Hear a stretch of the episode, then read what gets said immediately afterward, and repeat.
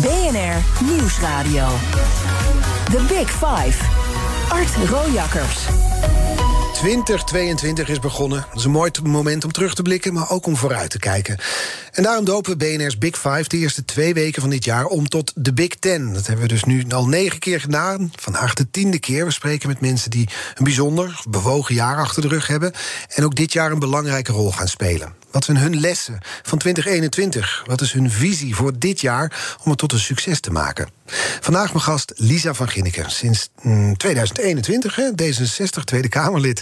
Als eerste transvrouw in de Tweede Kamer wil ze zich inzetten voor de transgender community. En ze is ook verantwoordelijk voor de portefeuille ICT, privacy en digitale overheid. Welkom. Dankjewel, leuk hier te zijn. Ja, flinke, flinke portefeuille. Ja, nou ja, de digitale portefeuille is, is een wereld op zich. En daar zit ontzettend veel in wat heel belangrijk is voor onze samenleving. Dus het is mooi om daarmee bezig te zijn. En je zegt ook, ja, ik wil me inzetten voor de, voor de transgender community. Uh, uh, dat is ook iets waar ik niet aan kan ontkomen natuurlijk. En dat, dat doe ik met heel veel liefde. Dat doe ik met heel veel liefde, want het is ook nodig. Ja. Voordat we het gaan hebben over de eerste periode in de Tweede Kamer... en ook de werkzaamheden daar en die portefeuille... wil ik graag twee dingen van je weten. Ten eerste zijn de social media bedrijven... vanochtend ook weer nieuws over Meta... Uh, zijn die de grote veroorzakers van de polarisatie in het maatschappelijk debat? Nou, ze hebben daar een ontzettend grote verantwoordelijkheid. En uh, de manier waarop ze die, wat mij betreft, onvoldoende nemen, uh, draagt echt bij een polarisatie in onze samenleving. Hun businessmodel is gebaseerd op ruzie, op ruzie tussen, tussen ons. Mm -hmm. Um, en de manier waarop hun, hun social media platforms werken, uh, ja, dat, dat wakkert ruzie aan. Ja, en dus draagt het niet bij aan minder polarisatie in ieder geval. Zo is het. Nee. Ja. Tweede punt dat ik wil aansnijden is: je bent de eerste transvrouw in de Tweede Kamer, ik zei het al. En in je maiden speech zei je dat het 40 jaar geduurd heeft voordat je hardop durfde te concluderen wie je bent. Ja. Wat maakt het zo moeilijk? Ja, je zou kunnen zeggen dat ik traag van begrip ben, maar ik geloof toch niet dat dat klopt. Uh, weet je wat het moeilijk maakt? Is dat je. Uh, ik groeide op in een omgeving waar dit niet bestond. Mm -hmm. uh, officieel, uh, waar dit ook raar gevonden werd. En dat was uh, een stukje tijdgeest. Het zit ook in onze cultuur. Er zijn nog heel veel plekken in onze samenleving waar mensen nou ja, ook echt hun wenkbrauwen fronsen als iemand zegt: Ja, ik, ik, ik ben transgender. Um, en als je in zo'n omgeving opgroeit, dan voel je je ook niet veilig genoeg om ja, te zeggen wat je voelt en, ja. en wat je wil. En dat was de omgeving waarin je opgroeit. Maar op een gegeven moment ben je volwassen. Ja, nou ja, je wordt ook gewoon opgevoed, geconditioneerd in... ja, zo, zo zit het leven in elkaar, dit wordt er van je verwacht, dit ga je doen. Ja. Um, dus ik heb ook best een tijd mijn best gedaan om mijn leven als man vorm te geven. Maar ja, dat, je merkt gewoon na verloop van tijd... dit ben ik niet, dit heeft zo'n grote weerslag op mijn relaties... op hoe ik me verbind met andere mensen... op wat ik hier in deze uh, wereld kan bijdragen. Uh, ik moet trouw zijn aan mezelf. Ja. Dat heb ik uiteindelijk gedaan. Ja. We, we, komen nog over te spreken. Um, maar eerst even naar de actualiteit. En dan is het natuurlijk de politieke actualiteit. Want deze week stond het nieuwe kabinet op het bordes. Vanavond de eerste persconferentie van Mark Rutte en ja, van partijgenoten inmiddels dus Ernst Kuipers. Hoe was de eerste week samenwerken met de nieuwe ministers?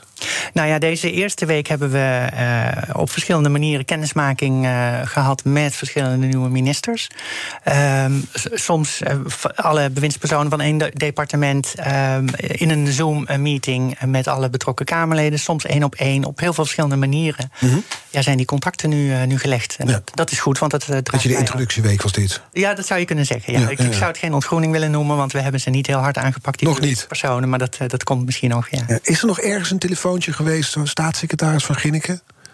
Ministerspost die vraag, die vraag heb ik heel veel gehad. En ik vind het super eervol dat ik die vraag uh, steeds kreeg. Um, maar, maar, gebeurt dat dan eigenlijk? Wordt, hoe word je eigenlijk gepolst of je daar iets in ziet of niet? Nou ja, uh, dat weet ik niet. Uh, want ik heb van begin af aan heel duidelijk gemaakt dat ik die ambitie op dit moment helemaal niet heb. Nee, maar dat zeggen ze altijd. En ondertussen wordt dan iemand toch minister. Ja, dat heb ik ook gehoord. Degenen ja. die het hardst roepen dat ze het niet willen, die worden het toch. Nou, ja. dat is mij dan niet overkomen. Nee. Want ik ben heel eerlijk geweest van joh, ik, uh, ik zet me nu in als Kamerlid. Vind ik heel eervol, heel mooi.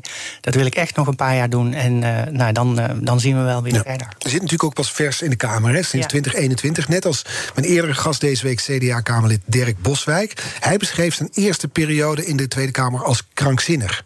Hoe zou jij die periode omschrijven? Ja, ik vind het wel een treffend woord. Ik, uh, ik zou zeggen, um, uh, de, de eerste periode heb ik rondgelopen in een soort mix van totale euforie. Van hé, hey, wat tof dat ik dit mag doen en wat eervol.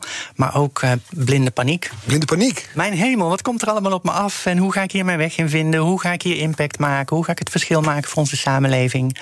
Was dat die paniek in dan? Van, hoe kan ik het waarmaken? Want ja, je bent gekozen, je staat daar. Ja, maar je moet eerst ook je weg vinden in, in, in het hele parlementaire proces. Je moet snappen van hé, hey, uh, uit welke hoek waait de wind? Hoe, hoe hoe maak ik nou verschil? Um, en, dat, ook technisch moet je het ook snappen hoe het werkt in de Kamer? Zeker, zeker. Want ook de, de, zeg maar procedures die kunnen voor je werken of tegen je werken. Dus als je de procedures doorgrondt, dan weet je op welk moment je bepaalde voorstellen kunt doen. Op welk moment het goed is om uh, nou ja, vooraf een meerderheid te inventariseren. Ja, dus het is heel ambachtelijk eigenlijk. Het is, uh, het is een vak, inderdaad. Ja. ja. En ik denk dat iedereen die aan een, een nieuwe baan, uh, wel eens aan een nieuwe baan is begonnen, dat zal herkennen. Dat hoe lang duurt het voordat je het leert? Ja, daar, daar, hoor ik verschillende verhalen over. Wat is jouw ervaring? Um, ik heb het idee dat ik, uh, dat ik nu al best behoorlijk kan, uh, kan fietsen, zal ik maar zeggen. Mm -hmm. Ik zal misschien nog geen Tour de France winnen, maar... De zijwieltjes zijn weg? Die zijn echt weg, ja. ja. Waarom wilde je eigenlijk de landelijke politiek in? Nou, ik wilde heel graag uh, verschil maken in de samenleving. En dat is eigenlijk een soort, soort ontwikkeling geweest waar mijn uh, transgender zijn een rol in gespeeld heeft. Want ineens uh, werd ik onderdeel van een, van een minderheid. En een minderheid die het behoorlijk zwaar heeft in onze samenleving. Heel veel discriminatie, heel veel geweld. Um, en dat riep ook heel veel verontwaardiging op. En ineens was discriminatie ook, ook niet een soort van concept wat je in je hoofd wel snapt. Het ging ook over jou. Het ging ineens over mij en ik had zelf ervaringen. En um, toen ben ik me voor de community gaan inzetten als voorzitter van Transvisie, mm -hmm. Belangenorganisatie. Um, ja, van het een kwam het ander. Ja. Nou, niet van het een kwam het ander, van Thierry Baudet kwam het ander. Ja, dat is dat was de directe aanleiding, ja, begreep zeker. ik toch? Dat was uiteindelijk, kijk, het is zo, je hebt altijd een zetje nodig hè, voordat je je ambitie uh, probeert te gaan uh, waarmaken. En dat zetje kreeg ik van Thierry Baudet, dus ik zeg wel eens met een knipoog: uh, hij is mijn politieke inspirator. Ja, want wat gebeurde er? Nou, hij, hij zei tijdens de campagne voor de provinciale statenverkiezingen in 2019 uh, uh, zei die vreselijke dingen. Uh, heel veel misogyne dingen, vrouwenvriendelijke dingen. En een van de dingen die hij zei was dat hij zich ergerde aan de Nederlandse vrouw, omdat hij drukker bezig was met de carrière dan het zorgen voor nageslacht. En toen dacht jij? En toen dacht ik, ja, dit kan echt niet. Stop nou eens met mensen tegen, uh, tegen elkaar opzetten. Stop nou eens met polariseren. We hebben als samenleving grote uitdagingen. De politiek heeft een verantwoordelijkheid om, uh, om die op te lossen. En dit kunnen we niet gebruiken. Nee. Dus ik, toen, toen dacht ik, ik ga me er nu mee bemoeien. Nu is het klaar. Ja, nu is het klaar. Ik ga me ermee bemoeien. Heb je hem er ooit op aangesproken nu? Sinds je in de Tweede Kamer rondloopt? Van hé, hey, dankjewel. Nee, dat heb ik nooit gedaan. Nee. nee, dat is misschien nog wel aardig om te doen. Ja, om hem even een bloemetje te gaan brengen. Hé, hey, dankjewel dat je me het laatste setje hebt gegeven. Ja, precies. De, de kettingvraag die je gesteld is door Wouter Laumans, mijn gast van gisteren, misdaadverslaggever bij het Parool, um, heeft te maken met je nieuwe rol in de Tweede Kamer. Luister even mee. Wat gaat zij veranderen? Heel kort en krachtig. Wat ga je veranderen? Dat is een hele korte, krachtige vraag. Um, wat ik ga veranderen, nou dat haakt wel aan op die polarisatie. Ik zou het heel fijn vinden om uh, uh, de politiek weer saai te maken. De politiek weer saai maken? Ja. Vertel. Ja, nou ja, wat ik merk in debatten is dat, dat, dat um, collega's toch nog veel bezig zijn om zichzelf te profileren en te positioneren ten koste van anderen. Mm -hmm. um, terwijl dat draagt niet bij aan een goed inhoudelijk debat. Dan gaat het alleen maar over hoe kan ik contrast maken tussen mij en de ander, dan zijn we heel erg met elkaar bezig en uh, de verschillen uitvergroten. Uh, terwijl als je naar de inhoud kijkt, de verschillen in de praktijk heel vaak niet zo groot zijn als, uh, als je misschien als achterloze kijker zou denken. Wat is een goed en saaie politiek? Uh, dat is uh, dat we serieus bezig zijn op de inhoud met de serieuze uitdagingen van onze samenleving. En ik denk dat de kiezer dat verdient. Ik denk dat uh, de kiezer die ons het vertrouwen geeft dat wij problemen oplossen, ook verdient dat wij daar ehm, ja, op de inhoud mee bezig zijn. Ja, maar succes ermee met 19 fracties in de Tweede Kamer die zich allemaal moeten profileren. Ja, ja, nou ja, misschien uh, zul je denken, wat een donkey shot. Uh, um, maar ik hoop in ieder geval zelf in de manier waarop ik het doe, het, uh, het goede voorbeeld geven. En als dat niet zo is, uh, dan hoor ik het graag. The Big Five. Art Rojakkers. Met vandaag de gast Lisa van Ginneke, D66, Tweede Kamerlid sinds 2021. We gaan het nog hebben over de cultuur in de Tweede Kamer, waar we het nu kort over hadden. En ook over de digitale portefeuille. Eerst nog over, over je persoonlijk en over de transgender community. Um, wat laat het zien dat jij er nu bent? In de Tweede Kamer? Ja, toen ik verkozen werd, kreeg ik heel veel reacties uit de community. Hartverwarmende reacties. Um, uh, omdat het mensen hoop geeft.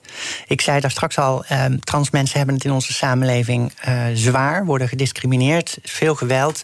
Dus je ziet ook. Uh, veel, veel, geweld bedoel je? Fysiek geweld op straat. We hebben natuurlijk anderhalve week geleden die vreselijke moord gehad in Wassenaar op een transvrouw. Um, maar je ziet dat trans mensen op straat, in onze samenleving, zeven keer vaker slachtoffer zijn van geweld dan andere mensen. Ja, van geweld of bedreiging met geweld. Hè? Dat, ja. Want geweld is ook verbaal geweld. Zeker, ja. zeker. Ja. Ja. ja. Dat is zeven keer meer dan. Zeven keer, ja. ja. ja. Dan dus, de rest van de bevolking. Ja, en dat laat een soort, soort nou niet een soort, dat laat intolerantie zien, dat laat uh, uh, idiote angst zien uh, voor het onbekende. En dat zorgt ervoor dat trans mensen vaker ook werkloos zijn, vaker eenzaam zijn, nou ja, door, door die, die stress ook vaker depressief zijn. En dat komt allemaal door discriminatie. En het feit dat ik dan kennelijk de mazzel heb gehad dat ik in de Tweede Kamer terechtkom, geeft heel veel hoop aan, aan trans mensen. Dat, dat krijg je ook te horen. Dat hoor ik van ze. Van ja, jij laat zien dat het wel kan. Vertel eens over zo'n boodschap van iemand. Wat? Nou, ik kreeg een, een vrij lange mail van een, uh, van een moeder van een transjongen.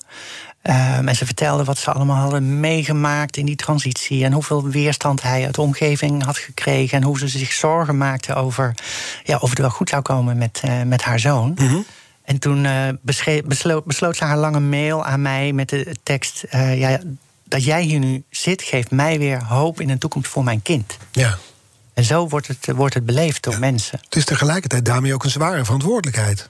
Zeker, zeker. Ja, maar goed, ik kan niks anders doen dan mezelf zijn en, uh, en mijn best doen. Mm -hmm. um, uh, dus dat is wat ik aan het doen ben. Ja. Heb je het gevoel dat je harder hebt moeten knokken dan anderen voor deze positie? Of, of misschien juist minder, omdat nou ja, het ook belangrijk is dat er een transgender persoon in de Kamer komt? Nou ja, het wordt door iedereen heel belangrijk gevonden dat er diversiteit is in de Kamer. Terecht. Wat dat betreft hebben we deze keer uh, uh, met, met Kautar Boulagiek van GroenLinks, Sylvana Simons noem ik nog even bijeen. Uh, en ik zei de gek, hebben we natuurlijk wel een mooie toevoeging aan diversiteit gedaan. Dat is belangrijk, want er worden beslissingen beter van, omdat je vanuit meerdere invalshoeken, vanuit meerdere ervaringen kijkt. Um, dus dat belang wordt volgens mij door de meeste mensen wel gezien. -hmm. Maar ik heb uh, in. Uh, de procedure om op de kandidatenlijst voor D66 te komen, uh, ben ik ook wel door de mango gehaald of ik wel uh, nou ja, voldoende zwaar ben en voldoende ervaring en kennis meebreng om, ja. om het werk goed te kunnen doen. Het gaat dan in de inhoud, niet om de persoon. Nou ja, kijk, als je door de mango gehaald wordt, zal ik maar zeggen, door de ballotage, dan gaat het natuurlijk ook over de persoon. Mm -hmm. Ben je in staat om uh, op een vrijdagochtend een uur lang met Art in de studio te zitten en een goed gesprek te hebben? Dat ja. is ook een criterium. Ja. Ja, dat wordt letterlijk zo genoemd. Ja, zeker. Je ja? wordt met naam, met naam genoemd. Art. Eervol hoor, eervol, ja. Dat waren de mooie reacties die je kreeg. Namelijk, het geeft hoop, het geeft ergens misschien ook troost, het geeft uh, een, een, toekomst. Wat waren de lelijke reacties die je hoorde? Ja, de lelijke reacties uh, zijn er natuurlijk ook geweest. En vooral op social media, hè, omdat mensen daar kennelijk meer durven dan wanneer ze je recht in de ogen aankijken. Mm. Um, uh, de, ja, er is wel de nodige bagger over me uitgestort. Ja. ja. En dan? Wat, je bent wel wat gewend waarschijnlijk. En je weet ook wat je kan verwachten als je de Tweede Kamer in gaat. Maar toch, wat, wat doet zoiets met je? Nou ja, het, het belangrijkste effect is dat ik daardoor um, minder kan profiteren van een goed gesprek op social media. He, want je, het is ook een, een, platform om met elkaar van gedachten mm -hmm. te wisselen. Uh, maar als ik door uh, uh, kniehoge bagger moet ploeteren om, om de, de, de um, positieve, de constructieve uh, reacties en posts te lezen. Mhm. Ja, dat is nogal ontmoedigend. Ja. Dus dat, dat effect heeft het wel. Ik, uh, ik heb minder lol in social media. Maar verder raakt het me niet. Het gaat niet over mij. Het gaat over de frustraties die zij hebben. En ze zien in mij kennelijk een soort katalysator waarin ze die, uh, die kunnen uiten. Um, nou ja, dan hoop ik maar dat ze daardoor minder gefrustreerd naar hun directe omgeving zullen zijn. dat ik dan een bliksemafleider ben. Ja. En tegelijkertijd, die bliksemafleider, je hebt jezelf ooit omschreven als een hele saaie vrouw. En eigenlijk ben ik een hele saaie vrouw, zei je over jezelf. Ja, dat, uh, ik ben niks, niks bijzonders. Nee, ik ben gewoon een vrouw die uh, uh, het, het mo iets moois wil doen in onze samenleving. En daar nou ja, zich voor wil inzetten. En tegelijkertijd roept dat dus wel bagger op, zoals je het noemt. Ja, ja, ja. Ja, maar zo zit onze samenleving in elkaar. En zo, zo werken ook social media platforms. Hè. Dus degene die bagger spuit, die krijgt meer aandacht. Die komt hoger in tijdlijnen te, te staan dan degene die een, een, mooi positief compliment verspreidt. Mm -hmm. Zo werkt het. Ja, en dat is dus ook iets waar jij wil, iets aan zou willen doen? Zeker, zeker. Ja, ik heb natuurlijk de social media bedrijven daar ook al vaker nou ja, op aangesproken. Ik, ik, dit is wel een onderwerp waar ik me heel erg voor inzet. In februari verwachten we met de nieuwe Kamercommissie Digitale Zaken ook een hoorzitting te gaan doen met social media bedrijven. Op mijn initiatief, met steun van CDA en VVD, zijn we dit aan het voorbereiden. Mm -hmm. Waarin we die social media bedrijven echt even aan de tand gaan voelen. Van joh, we weten dat jullie platforms actief polariseren. We vinden dat jullie misschien wel te weinig doen om polarisatie en desinformatie tegen te gaan.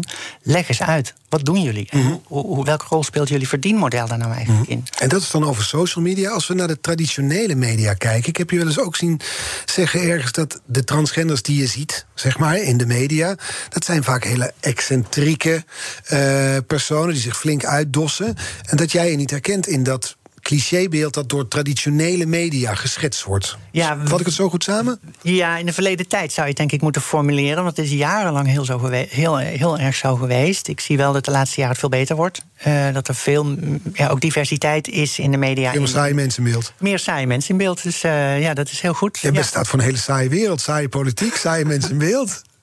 Nou ja, kijk, de, de, de, de, de korte opwinding die je kunt voelen als je een, eh, een, eh, een Twitter-fitty uh, leest, uh, daar krijg je misschien heel kort een warm gevoel van. Maar op de langere termijn worden we daar echt niet beter van met elkaar. Mm -hmm.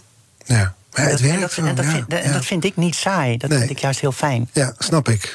Maar goed, het is tegelijkertijd is dat wel ontzettend lastig te veranderen natuurlijk. Want zowel traditionele, traditionele media als sociale media doen een uitvergroting. Ja, zeker. zeker. En um, heel veel mensen realiseren zich dat niet. Mm -hmm. Die denken dat het uh, een uh, perfect gebalanceerde weergave van de werkelijkheid is. En dat is het niet. Nee, nee. Um, dus mensen moeten daar kritisch in zijn. Mensen moeten er ook nuchter in blijven. En zich niet te snel laten ophitsen. Um, en dat is eigenlijk het, uh, het appel uh, dat ja. ik doe. Dus als ik het heb over saai, dan heb ik het niet over uh, er gebeurt helemaal niks en ik verveel me kapot. Nee.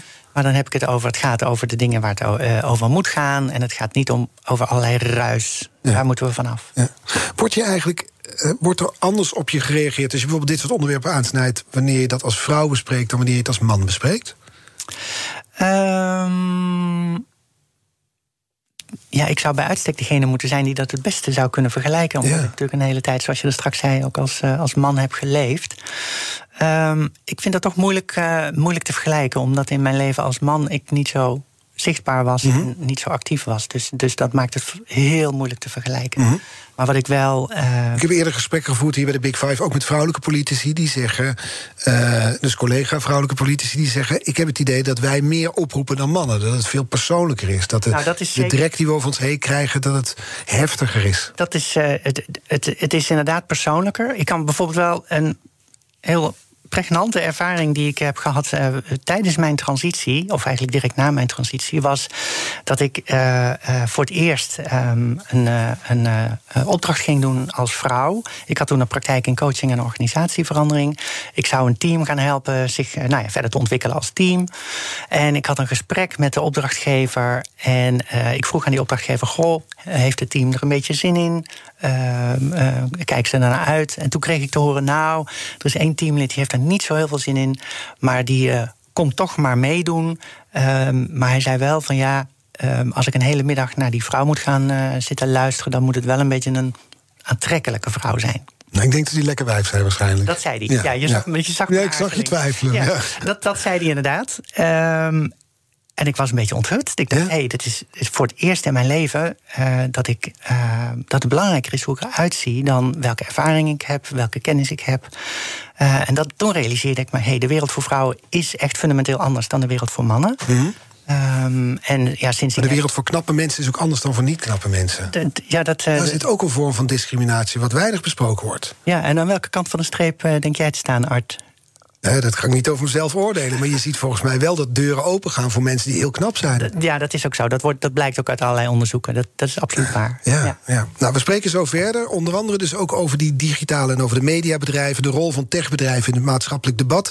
En dat doen we met Lisa van Ginneken, D66 Tweede Kamerlid. Zometeen in het tweede half uur van BNR's Big Ten. Blijf luisteren. Eneco Klimaatreport van deze week komt uit Amsterdam. Ik ben Pascal en ik sta hier met de oprichter van Wikkelhuis op de werkplaats. Oep, wat zie ik hier? Ja, je ziet allemaal huisjes. Ja, en welke rol speelt energie-efficiëntie in jullie ontwerp- en bouwproces? We bouwen alleen maar met hernieuwbare materialen. Maar het leukste is dat we eigenlijk uh, zonne-energie gebruiken voor onze elektriciteit. We hebben duizend zonnepanelen op ons dak van de werkplaats. Duizend zonnepanelen, dat zijn er een hoop. Ik kan me voorstellen dat er veel stroom vanaf komt. Ja, er komt een enorme bak met stroom uit. En soms in de zomer is dat ook te veel. En daarom werken we samen met uh, Eneco, met het uh, opwek optimaal systeem. En wat doet dat systeem? Een soort dimmer. Dat als er te veel stroom is, dat je dat zeg maar wat terug reguleert, zodat er geen netcongestie ontstaat. Want dan zou alles vast vastlopen. Uh, juist de balans op het energienetwerk. Ja, precies. En zo werkt Wikkelhuis samen met Eneco aan klimaatambities. Is het ook iets voor jouw bedrijf? Check dan eneco.nl slash klimaatambities. Blijf scherp. BNR Nieuwsradio. The Big Five. Art Rojakkers. Welkom bij het tweede halfuur. Deze week blik ik met vijf kopstukken terug op het afgelopen jaar. Maar we kijken ook samen vooruit naar 2022. Eerder deze week sprak ik met de Belgische viroloog Mark van Ranst over zijn bedreigers en over Omicron, dat misschien wel onze vriend wordt. De weg uit deze pandemie is terug te luisteren via de BNR-app. Vandaag de gast Lisa van Ginneke, D66-Kamerlid. En komend half uur wil ik graag in ieder geval twee onderwerpen met je bespreken. Namelijk de nieuwe bestuurscultuur, mhm. dat containerbegrip waar we het allemaal over hebben. En de verharding van het maatschappelijk debat. Laten we met het laatste beginnen. Sigrid Kaag, uh, uw lijsttrekker, onze minister van Financiën nu, krijgt regelmatig te maken met bedreigingen. Stond laatst een man met een fakkel voor haar deur. Het is natuurlijk ongelooflijk grensoverschrijdend. Het kan echt niet dat je mensen op die manier bedreigt. Um, um, en het, het, het, schokkende is dat er natuurlijk ook een voortvloeisel is van social media. Hè. We hadden het daar straks al heel even over. Um, maar ja, op het moment dat adressen van politici, privéadressen van politici online gedeeld wordt. Ja, dat deed Willem Engel. Nadat dit gebeurd was, zette hij inderdaad het adres van Sigrid Kaag online. Ja. Wat voor gesprekken voeren jullie hierover binnen de partij? Nou ja, weet je, dit, dit heeft Sigrid behoorlijk, eh, behoorlijk uh, ja, aangegrepen natuurlijk... omdat het niet alleen haarzelf betreft, maar ook haar gezinsleden. je kiest zelf voor een, uh, voor een, ja, voor een beroep in de, in, in, in de spotlights... maar je gezin kiest daar niet voor. Mm dus dat maakt het uh, ja, extra heftig. En er staat nu ook een politie uh, ja, container, klinkt een beetje oneerbiedig. Een politiepost. Zo'n zo mobiele politiepost. Wat ook bij Hugo de Jong in de straat is ja, verschenen. Ja, en dat is dus kennelijk nodig als je je wil inzetten voor een mooiere samenleving. En als mensen dan denken, hé, hey, ik ben het niet eens met wat jij een mooiere samenleving vindt... dat ze dan niet met je het gesprek aangaan... maar dat ze dan met een fakkel voor je deur gaan staan. Dat is natuurlijk ontzettend bedreigend. Laten we op zoek gaan naar de oorzaak. Want je zegt als social media bedrijven... hoe komt het dat Sigrid Kaag, ook Hugo de Jonge... ook andere politici steeds vaker worden bedreigd? Ja, ik denk dat wij. Uh, we leven toch in een beetje een opgefokte samenleving op dit moment. Ik denk dat het daar, uh, daar begint. Uh, want we zijn niet meer zo in staat om teleurstellingen te accepteren. Natuurlijk zet corona alles ontzettend onder druk. Want als je dat een teleurstelling zou noemen, dat zou wel een erg uh understatement zijn. Dat heeft natuurlijk heel veel impact op mensen. Dus er is druk op de samenleving. Er is druk op de dat samenleving. Dat is een element. Ja. En social media bedrijven die helpen ons om met elkaar ideeën uit te wisselen met elkaar in contact te staan. Dat is natuurlijk ook het, het, het, het, het ideaal waar het ooit mee begonnen is. Maar ze doen dat op zo'n manier dat ze onze aandacht willen vasthouden. Want als wij veel op hun social media platforms uh, zijn, dan zien we veel advertenties en dan verdienen zij veel geld. Ja, dus engagement wordt het genoemd. Zo lang mogelijk op het platform blijven. Ja, precies. En hoe doe je dat nou? Nou ja, door mensen iets te laten zien waar ze, uh, uh, waar ze betrokkenheid bij voelen. En gek genoeg zijn dat juist de dingen waar mensen zich over opwinden, die zorgen ervoor dat mensen meer en meer op dat platform blijven. Dat ze meer blijven lezen, dat ze meer blijven liken, dat ze zelf gaan posten en delen. Um, dus die social media bedrijven hebben er baat bij dat er uh, ja, opruiende, polariserende content op staat. Dus het is de schuld van YouTube en Facebook dat er een man met een fakkel bij Sigrid Kaag staat? Nou, dat vind ik wel een, uh, heel erg kort door de bocht. Maar wat je ziet is dat die social media bedrijven uh, hebben dus een mechanisme gecreëerd waarbij zij baat hebben bij ruzie en opruiing ja. en, en, reuring. Um, en ze doen, naar mijn idee, te weinig om de negatieve effecten daarvan tegen te gaan. Dus wat mij betreft zouden ze bijvoorbeeld eens moeten beginnen met hun hele platform zo te maken maken dat een boze post niet meer aandacht krijgt dan een vriendelijke post. En dat is nu wel zo. Hè? Dat heeft uh, Francis Hogan laten zien. Die heeft uh, vorig jaar uh, een doekje opgedaan over hoe, hoe er. Wie is Francis Hogan? Francis Hogan is een klokkenluider uit, uit de Facebook-organisatie. En die heeft dus vorig jaar een doekje opgedaan over hoe Facebook werkt en welke keuzes ze maken in, in hoe het platform werkt. En Mhm. die, nou, de, de, het is vreselijk, vreselijk wat je daar hoort. Ja, want dan werkt het dus inderdaad zo: een, een boze post of een opruiende post krijgt gewoon veel meer. Krijgt veel meer aandacht. De kans dat jij uh, een, uh, een, een, een, positieve of een neutrale post op je tijdlijn te zien krijgt, is veel kleiner dan de kans dat je een, een opruiende, een heftige uh, en een ja, emotionele post te zien krijgt. Voordat we het hebben over wat daar aan te doen is, ook vanuit de politiek, wat jij eraan zou kunnen doen, wat Brussel eraan kan doen, nog heel even terug naar de politiek zelf.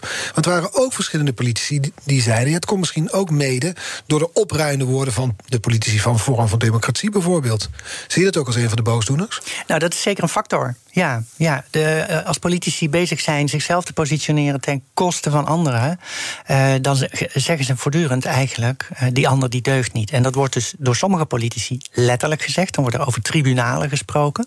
en bij Forum voor Democratie lijken ze daar wel een soort van verdienmodel van gemaakt te hebben. en dan zit je dan met je oproep tot saaie politiek. Ja, inderdaad. Ja. ja. Nou ja, ik denk dat we er uh, het goede voorbeeld in moeten geven. Dat we moeten aanspreken wanneer die politici dat doen. Uh, uh, en zeggen: stop, wat je nu doet is niet oké. Okay. Mm -hmm. ik wil het graag met je over de inhoud hebben. Ja. En dat moeten we gewoon blijven volhouden. En, je ziet dat het een worsteling is voor verschillende partijen hoe hiermee om te gaan. Nou, de worsteling is natuurlijk dat op het moment dat iemand van Forum of een andere partij iets op ruins roept in de Tweede Kamer. en je haalt je schouders op en je gaat door met de inhoud van het debat. Um, dan uh, gaan ze waarschijnlijk groteskere middelen inzetten om aandacht te krijgen. Want dat is waar ze op uit zijn. Um, dus je wil er iets van zeggen. Um, ook omdat het niet oké okay is uh, wat ze doen. Ze willen het normeren, om het zo maar te zeggen. Maar daardoor krijgt het nog meer aandacht. Mm -hmm. um, en die balans tussen het niet te veel een podium geven... en tegelijkertijd toch wel een grens uh, trekken... Ja, die is moeilijk te, moeilijk te vinden. Waar sta jij daarin? Ja, ik, uh, uh, ik zei al, ik wil het saai maken. Dus ik wil zo snel mogelijk als zoiets gebeurt weer terug naar de inhoud. En uh, zeker niet de discussie aangaan. Nee.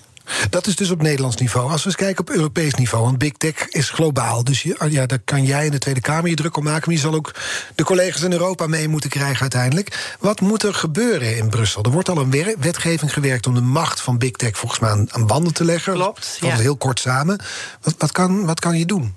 Nou ja, ik denk dat dat een heel, heel zinvolle actie is. Dus ik ben heel blij dat dat gebeurt. Daar zijn wij vanuit de Tweede Kamer ook uh, betrokken bij.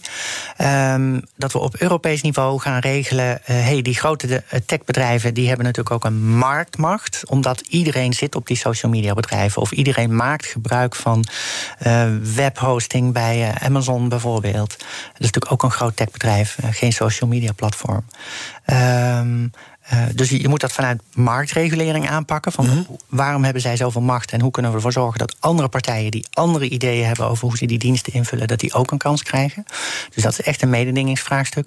Maar de, uh, daarnaast wordt er ook in Europa geregeld dat die content die op die platform staat, dat die partijen daar zelf meer verantwoordelijkheid voor moeten nemen. Mm-hmm. En dat is hartstikke goed en heel belangrijk. Um, en um, tegelijkertijd denk ik ook dat we niet op Europa moeten gaan zitten wachten en ook hier in Nederland aan de slag moeten met reguleren. En dat kan dus bijvoorbeeld zo'n nieuwe Kamercommissie Digitale Zaken, die redelijk nieuw is. Dat, daar zit je in. Er staat een hoorzitting volgens mij gepland hè, voor ja. januari had je het over. Februari. Februari. Wat, wat gaat er gebeuren dan? Nou, wij gaan dan uh, uh, uh, in gesprek met partijen die ons kunnen uitleggen wat nou de negatieve werking is van die social media platforms. en we gaan in gesprek met een aantal social media platforms zelf. Zoals? nou ja, we zijn nu dat aan het voorbereiden. Maar Mark Zuckerberg zit straks hier in Den Haag. Nou, weet je, ik heb liever, uh, uh, om dan even op je voorbeeld in te gaan, liever niet Mark Zuckerberg. Um, omdat die uh, heeft dit al zo vaak gedaan en die, ja. we hebben, die hebben we al zo vaak niet zeggende antwoorden zien geven. Dus ik heb liever iemand die dichter bij de operatie staat, bij de daadwerkelijke uitvoering, die ons meer kan vertellen over hoe de technologie precies werkt. De uitnodiging ligt nu bij de bedrijven, bij de social media bedrijven. Zij hoeven er niet op in te gaan. Dus wat, Nou, wat verwacht je? Nou, ik, ik, we, we zijn het aan het voorbereiden. Ik verwacht dat eh, de bedrijven die we gaan vragen langs te komen, dat die wel komen. Ehm, het is natuurlijk een slecht verhaal als je zegt: hey, de Nederlandse Tweede Kamer wil met deze bedrijven in gesprek over hun maatschappelijke verantwoordelijkheid. Gewoon, we komen niet. Dat is natuurlijk echt een slecht verhaal. Dus Ja. ik ga ervan uit dat ze, dat ze er zullen zijn. Ja, ja. Die, die Kamercommissie, ik zei het al, is relatief nieuw. Een belangrijk onderwerp dat hier op BNR ook veel voorbij is gekomen... zijn hacks, ransomware-aanvallen... waar veel Nederlandse bedrijven, of veel, hè, dat neemt toe. Eh, de last die ze daarvan hebben, de hacks die er zijn... de ransomware die er is. Wat kunnen jullie vanuit die commissie daarin betekenen? Ja, het is niet alleen dat we er last van hebben. Hè, want wij als, eh, als eh, consumenten eh, van die bedrijven hebben er ook last van. Mhm. Ehm, en dan is er ineens anderhalf week lang geen kaas bij de Albert Heijn. Dat, voorbeeld, eh, dat, dat spreekt me heel erg aan omdat ik een ontzettende kaasliefhebber ben. Mhm. Ehm, eh, en dat kwam dan omdat de logistieke dienstverlener die die kaas brengt bij de Albert Heijn, dat die ge- geransomwared was en eh, zijn werk niet kon doen. Dus het, het heeft impact op scholen die een tijd lang eigenlijk hun werk niet kunnen doen Gemeentes? gemeentes. Eh, het heeft impact op ons allemaal. En stel je nou eens voor wat er gebeurt als een eh, eh, elektronisch sluisbewakingssysteem gehackt wordt en de sluizen letterlijk open gaan. Dus het heeft echt ook impact in onze fysieke wereld. Ja, dus er kan vanuit de Kamercommissie iets aan gedaan worden? Nou, ik denk dat we eh, in onze samenleving echt veel meer moeten samenwerken om die eh, digitale veiligheid, de cybersecurity, eh, om, om die beter op orde te krijgen. Het is geen kwestie van dat we alleen de sluizen moeten bewaken, eh, dat het alleen gaat over nou ja, vitale sectoren, maar de samenleving als geheel moet daar beter in samenwerken. Dus die bedrijven die moeten ook betere informatie krijgen over welke kwetsbaarheden er, eh, zijn, hoe ze die kunnen oplossen. Eh, als er een nieuwe kwetsbaarheid ontdekt wordt waar een hacker gebruik van zou kunnen maken, dan moet die informatie snel en adequaat gedeeld worden. Eh, en we moeten ook actief op zoek naar die kwetsbaarheden. Dus ik ben ook heel blij dat er ethische hackers zijn die zich daar bijvoorbeeld voor inzetten. Maar is er genoeg aandacht voor in de politiek? Want ik heb wel eens oh, mensen horen zeggen... eh, we, we hebben te maken ook met een ransomware-pandemie. Het is niet alleen de coronapandemie die we bestrijden... maar ook een ransomware-pandemie. Nee, dat is zo. En dat, dat is ook zorgelijk. Hè? Want eh, als, je, als je gehackt wordt en je krijgt ransomware in je systeem, dan is het niet alleen vervelend dat je even geen kaas kunt rondbrengen. Maar die hackers die kijken dus ook echt in jouw systemen. En op die manier kunnen ze dus ook allerlei intellectueel eigendom eh, eh, nou ja, stelen, allerlei data stelen. En op die manier tasten ze de concurrentiepositie van al die nou ja, eh, gehackte bedrijven ook aan. Dus Ja, het is ook dus is het wat dat betreft een terechte term, een ransomware-pandemie? nou ja, je ziet een enorme toename. En ik denk dat er elk bedrijf krijgt er vroeg of laat mee te maken. Het is niet, je moet vooral niet denken, dit gaat mij niet overkomen. Nee. En wat je vanuit de politiek, om je vraag te beantwoorden, wat je vanuit de politiek moet doen, is ervoor zorgen dat we eh, maximaal alle bedrijven en organisaties in staat stellen eh, om zich hier tegen te verweren. Dat we maximaal samenwerken. En naar mijn idee is dat op dit moment onvoldoende. Je ziet dat er allerlei organisaties eh, zijn opgericht en ook gek genoeg weer nieuwe worden opgericht. Die allemaal een klein stukje van die legpuzzel van de digitale weerbaarheid eh, proberen te, te, te leggen. Ehm, maar het, het is heel erg versnipperd. En dat Ja. moet echt veel beter, want het belang is heel Want wat, erg wat, waar leidt dat toe, die versnippering? Wat, wat gaat er nu verkeerd Nou, je ziet- door die versnippering? Je ziet, wat er nu verkeerd gaat door die versnippering... is dat er wel een kwetsbaarheid bekend is bij een deel van de organisaties... maar niet bij, bij alle organisaties, niet alle bedrijven. Kennis wordt niet gedeeld. Dus kennis kan niet gedeeld worden omdat het dan over muren van organisaties heen gaat. En daar moeten we echt snel, snel eh, eh, op ingrijpen. Ja, want de gevolgen daarvan zijn dat nu eh, ransomware-aanvallen efficiënter kunnen zijn... dat meer geld kost dan het hoeft te kosten. Inderdaad, ja. ja. Als we adequaat reageren, omdat we wel de informatie hebben over kwetsbaarheden in onze systemen, dan, dan kunnen we ze ook sneller dichten. En dan zijn we hackers snel, die snijden we snel de pas af. Zometeen praat ik verder met Lisa van Ginneken, D66 Tweede Kamerlid. Eerst naar Kees Dorrestein. 11 uur BNR breekt. Vertel, Breekijzer. Ja, ehm, we gaan het natuurlijk hebben over de persconferentie van eh, Uiteraard. vanavond. Er is natuurlijk weer heel veel gelekt, want eh, het nieuwe elan is er... maar we lekken uiteindelijk toch blijkbaar gewoon weer door. Dus zo, zo nieuw is dat dan weer niet. Eh, daar is niks aan, eh, aan veranderd in ieder geval. En het breekijzer, eh, we moeten begrip tonen. Niet alles kan open. Want ja, de contactberoepen gaan weer open. Sporten kan weer. de, de, de HBO's en, en de MBO's kunnen, kunnen weer open. Maar ja, toch wordt er wel geklaagd door de detailhandel en door de horeca. Ja, is dat nou terecht of niet? Daar gaan we het over hebben vanaf 11 uur. Ja. 020 468 4 keer 0 Oké, Kan je bellen. ja. Ik ben benieuwd of er dan ook tegendraadse meningen worden. Of dat het, het is wel voorspelbaar, zeg maar. Ik heb ooit Daniel Verlaan, dat is een, eh, of Daniel Verlaan moet je mij horen. Daniel Arends, Ja. een comedian, die heeft, die heeft ooit over argumenten gezegd... ze gelden alleen als ze niet in je voordeel pleiten. Ja, dat snap ik Dus de horeca mag niet voor zichzelf pleiten. Zullen we dat afspreken bij BNR Breed? Ja, dus, dus een horeca-ondernemer die dan zegt... eh, ja, ik vind het eigenlijk wel goed dat ik nog niet open ga. Daar ben ik in geïnteresseerd in. Als jij er zo één bent, bel alsjeblieft. Ik wil graag je argument horen. 468 4 keer 0. The Big Five. Art Rojakkers. Ja, Daniel Verlaan is natuurlijk de, de techjournalist bij RTL Nieuws. Absoluut. We hebben het zo over ransomware dat hij dan in één keer in mijn hoofd zit. Vandaag de gast hier Lisa van Ginneken, D66 Tweede Kamerlid. We gaan het zo hebben over die nieuwe bestuurscultuur, die term. Maar ik ben eerst benieuwd, we hadden het over jouw rol in de Tweede Kamer... en eigenlijk het rolmodel dat je daarmee bent voor veel mensen. Wie was of is jouw rol- rolmodel eigenlijk? Oh, ehm, ehm, nou, ik geloof niet zozeer in één rolmodel of zo. Ik denk dat, dat heel veel mensen die, eh, die kunnen mij op, eh, op, op momenten inspireren. Eh, ik heb van heel veel mensen iets meegenomen en, en geleerd. Maar als het gaat om ehm, ehm, een belangrijke inspirator in mijn transitie, in de keuze om voor- ja, voor mezelf te kiezen en als vrouw te, te, te, te leven, hè, als de vrouw die ik ben, was een, een Engelse schrijfster, Persia West. Ehm, zelf transvrouw ook. Ehm, schreef daarover, maar ook over andere dingen.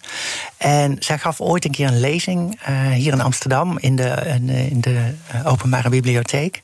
En ze was een paar maanden eerder ook al daar, hier, hier geweest. En die lezing die was helemaal uitverkocht. Die zaal die puilde uit. Er was veel belangstelling voor. Dus ze kwam terug. En die tweede keer ehm, was ik de enige die kwam opdagen. Oh, Heel gek. Het was heel guur weer. Het was echt eh, bar en boos buiten. Ja. Was in januari. Ehm, dus werd een één op één date in plaats van een dus het werd geen lezing. We hebben eh, één op één, eh, anderhalf uur, een heel mooi gesprek gehad. Eh, ik was toen zelf nog in ja, de zoekende fase. Ja? En dat is voor mij heel betekenisvol geweest, dat gesprek. Eh, zo betekenisvol dat ik ook eh, met haar afsprak haar te gaan bezoeken in Engeland. En ik ben, eh, ja, as we speak, om het dan maar in het Engels te zeggen, nog bevriend met haar. Dus we zien elkaar regelmatig. Kun je uitleggen wat er betekenisvol was aan dat gesprek? Nou, wat ik betekenisvol vond, was dat zij. ehm, zij liet mij zien, zij belichaamde voor mij eh, precies datgene wat ik ook wel voelde, maar niet helemaal kon vastpakken. Namelijk dat een transitie er niet over gaat dat je van A naar B gaat, maar dat het erover gaat dat je van binnen eh, alle puzzelstukjes aan elkaar legt. Dus het is eigenlijk meer een integratie van binnen. Ehm, om je eh, te kunnen leven als wie je werkelijk bent, moet je naar de binnenkant kijken en niet naar de buitenkant. Nee, want anders ben je pas af op het moment dat de hele transitie is afgerond. Nou, en sowieso, ik denk dat als je niet naar de binnenkant kijkt tijdens een transitie, dat je en al- alleen maar met de buitenkant bezig bent, dan ga je niet tevreden zijn eh, als je de buitenkant af hebt. Want het gaat erom dat je aan de binnenkant kijkt, wie ben ik nou eigenlijk en hoe klopt alles voor mij Ehm, en hoe kan ik dat in de wereld zetten? Ja. Klopt alles nu voor je? Ja, ja. ja, ik had het werk als Kamerlid niet kunnen doen en zo zichtbaar kunnen zijn, eh, had ik niet kunnen doen eh, als ik mijn transitie niet had gedaan. Omdat ik nu, nu, nu val ik samen met wie ik ben. Hè. Wat jij ziet, dat klopt ook met hoe ik mezelf ervaar. Ehm, eh, dus nu ja, ben ik een samenhangend geheel, om het zo maar te zeggen. Ja, ja, volledig geïntegreerd. En dat, dat werkt een stuk prettiger voor mezelf en ook voor, voor mijn omgeving. Mhm. Als we deze woorden nou eens toepassen eh, op de nieuwe bestuurscultuur... want het is ook een soort transitie waar jullie in Den Haag mee bezig zijn. En jullie, zeg ik maar even, ook al zit je er pas net. Maar het gaat ook over, zijn we van A naar B aan het gaan? De oude bestuurscultuur en nu is er een nieuw kabinet... en moet het allemaal anders? Of moet het geïntegreerd worden en wanneer gaat het eens kloppen? Nou ja, de, de parallel is, eh, is terecht. Hè. De eh, cultuurverandering heb je het sowieso eh, over. Dat is altijd een lastig ding. Dat is ook niet iets wat je als een project in een half jaar even fixt. Ehm, dat vraagt echt een, langdurige investering. Maar het gaat er inderdaad niet om dat je nieuwe kunstjes aanleert. eh, maar dat je echt met elkaar in gesprek gaat over... Hey, van, waarom eh, val je me nu aan in, in een debat? Wat hoop je ermee te bereiken? Wat, wat, wat heeft de discussie eraan? Eh, wat heeft de kiezer er nou eigenlijk aan? Kunnen we dit op een andere manier doen? Waarbij we wel politieke verschillen zichtbaar maken, maar eh, ja, constructiever met elkaar samenwerken. Dus om die introspectie naar elkaar kijken, die reflectie is gewoon ontzettend belangrijk. En tegelijkertijd willen we ook meer dualisme. We willen een Kamer die onafhankelijker is van de coalitie. Ja, maar dat, En dat vergt toch ook nou een debatcultuur. Je kan niet alleen maar op zoek gaan naar consensus. Nee, nou ja, nou kijk, het, je voert een debat. eh, je kunt een debat om twee redenen voeren. Je kunt een debat voeren omdat je graag eh, wil laten zien dat je heel anders bent dan je opponent. Je kunt ook een debat voeren om uiteindelijk uit te komen op consensus. Want we moeten wel een beslissing nemen over hoe we met bepaald beleid omgaan. Of we wel of niet. Nou ja, eh, we horen vanavond of we wel of niet de, de, de winkels en de kappers. nou ja, dat weten we dan natuurlijk al wel. Ehm, ehm, eh, dus om zo'n beslissing te nemen, moet je tot consensus komen. En dan wil je zorgen dat iedereen ook goed gehoord is. En als je alleen maar bezig bent met jezelf te profileren ten opzichte van de ander, dan horen we de inhoud eigenlijk onvoldoende. Dus ik denk niet dat die nieuwe bestuurscultuur betekent dat je niet meer met elkaar in debat mag. Nee, het is juist heel goed om die verschillen te laten zien.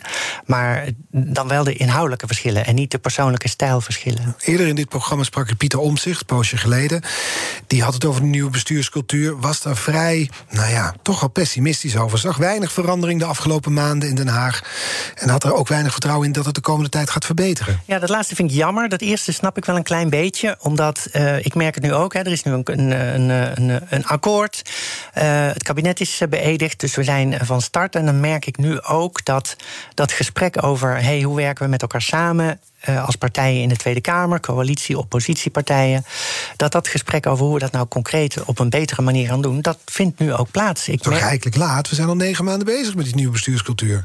nou, iedereen heeft toch een klein beetje zitten wachten, de samenleving, maar ook, eh, ook als het gaat om hoe we met elkaar gaan samenwerken op, eh, ja, op het nieuwe kabinet. Want Dat is toch wel- wonderlijk, want het nieuwe kabinet is precies hetzelfde als het oude kabinet. Ze zijn alleen op een andere post gaan zitten. Ah ja, dat wisten we natuurlijk op, op 17 maart vorig jaar nog niet. Nee, dat klopt. Maar goed, daarna zagen we het wel deze kant op gaan. Ik kan me niet voorstellen dat nu pas het gesprek over hoe gaan we met elkaar om plaatsvindt.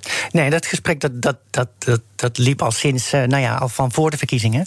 Maar wat ik zeg is dat ik nu heel concreet zie, eh, oké, hoe gaan we dit nou praktisch maken? Mhm. Want nu, we, ja, eh, nu zijn we echt uit de startblokken met, met de nieuwe frisse start. Wat moet er dit jaar gebeuren? Als we het hebben over dit terrein, over nieuwe bestuurscultuur. Waar zou je tevreden mee zijn op 31 december? Ehm, om terug te grijpen bij de uitspraak die ik aan het begin van de uitzending deed, als, eh, als de debatten een beetje saaier geworden zijn. Ja. Als we saai debatten hebben, dan ben je tevreden. ja, dan ben ik tevreden. Ja, Oké. Eh, de kettingvraag die je kreeg van Wouter Laumans, mijn gisteren, de gast van gisteren, mag jij stellen aan de gast van maandag. Dan eh, presenteert Diana Matroos de nieuwe Big Five. Het thema is dan gezonder leven. En haar eerste gast is voedingswetenschapper Martijn Katan. Je mag hem een vraag stellen. Ja, ehm, nou ja, ik vraag dit voor een vriend. Ehm, hoe, eh, hoe ga je in hemelsnaam om met de niet te stoppen impuls dat als je een avondje Netflix zit te kijken, dat je dan ook een heel pak koekjes leeg eet. Ja. En die suikerkick dus kennelijk niet kunt stoppen.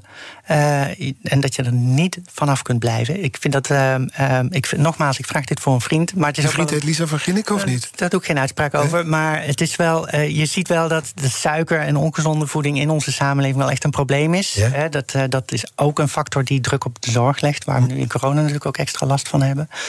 Ehm, ehm, dus hoe, blij- hoe, hoe kom ik, ik bedoel die vriend van, eh, van de suikerverslaving af? Ja, ik ben benieuwd wat Martijn Katan daarover te zeggen heeft. Komende maandag dus in BNR's Big Five. Gezonde leven met eh, Diana Matroos.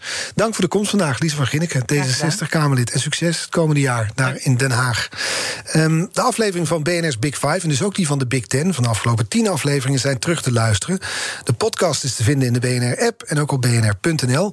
En nu op deze zender dus Kees Dorrestein... die gaat vooruitblikken op die persconferentie... waar we al weten wat er gezegd gaat worden. Maar hoe gaan ze het zeggen? Ernst Kuipers, wat zal hij gaan doen? Weet je het al? Nee, ik, eh, ik kijk ook eh, vol verwachtingen, net als jullie vanavond naar de persconferentie. Oké, nou, we gaan het allemaal luisteren. Eerst naar BNR Breekt en vanavond dus die persconferentie. Alvast een mooi weekend. Bij BNR ben je altijd als eerste op de hoogte van het laatste nieuws. Luister dagelijks live via internet. Jelle Maasbach. Wesley Weert. We zijn er voor je met het leukste, opvallendste, maar natuurlijk ook het belangrijkste nieuws. Tijdens de presentatie van die halfjaarcijfers toen die beurskoers in elkaar kukkelde. BNR Beurs. Voor de slimme belegger. Blijf scherp en mis niets.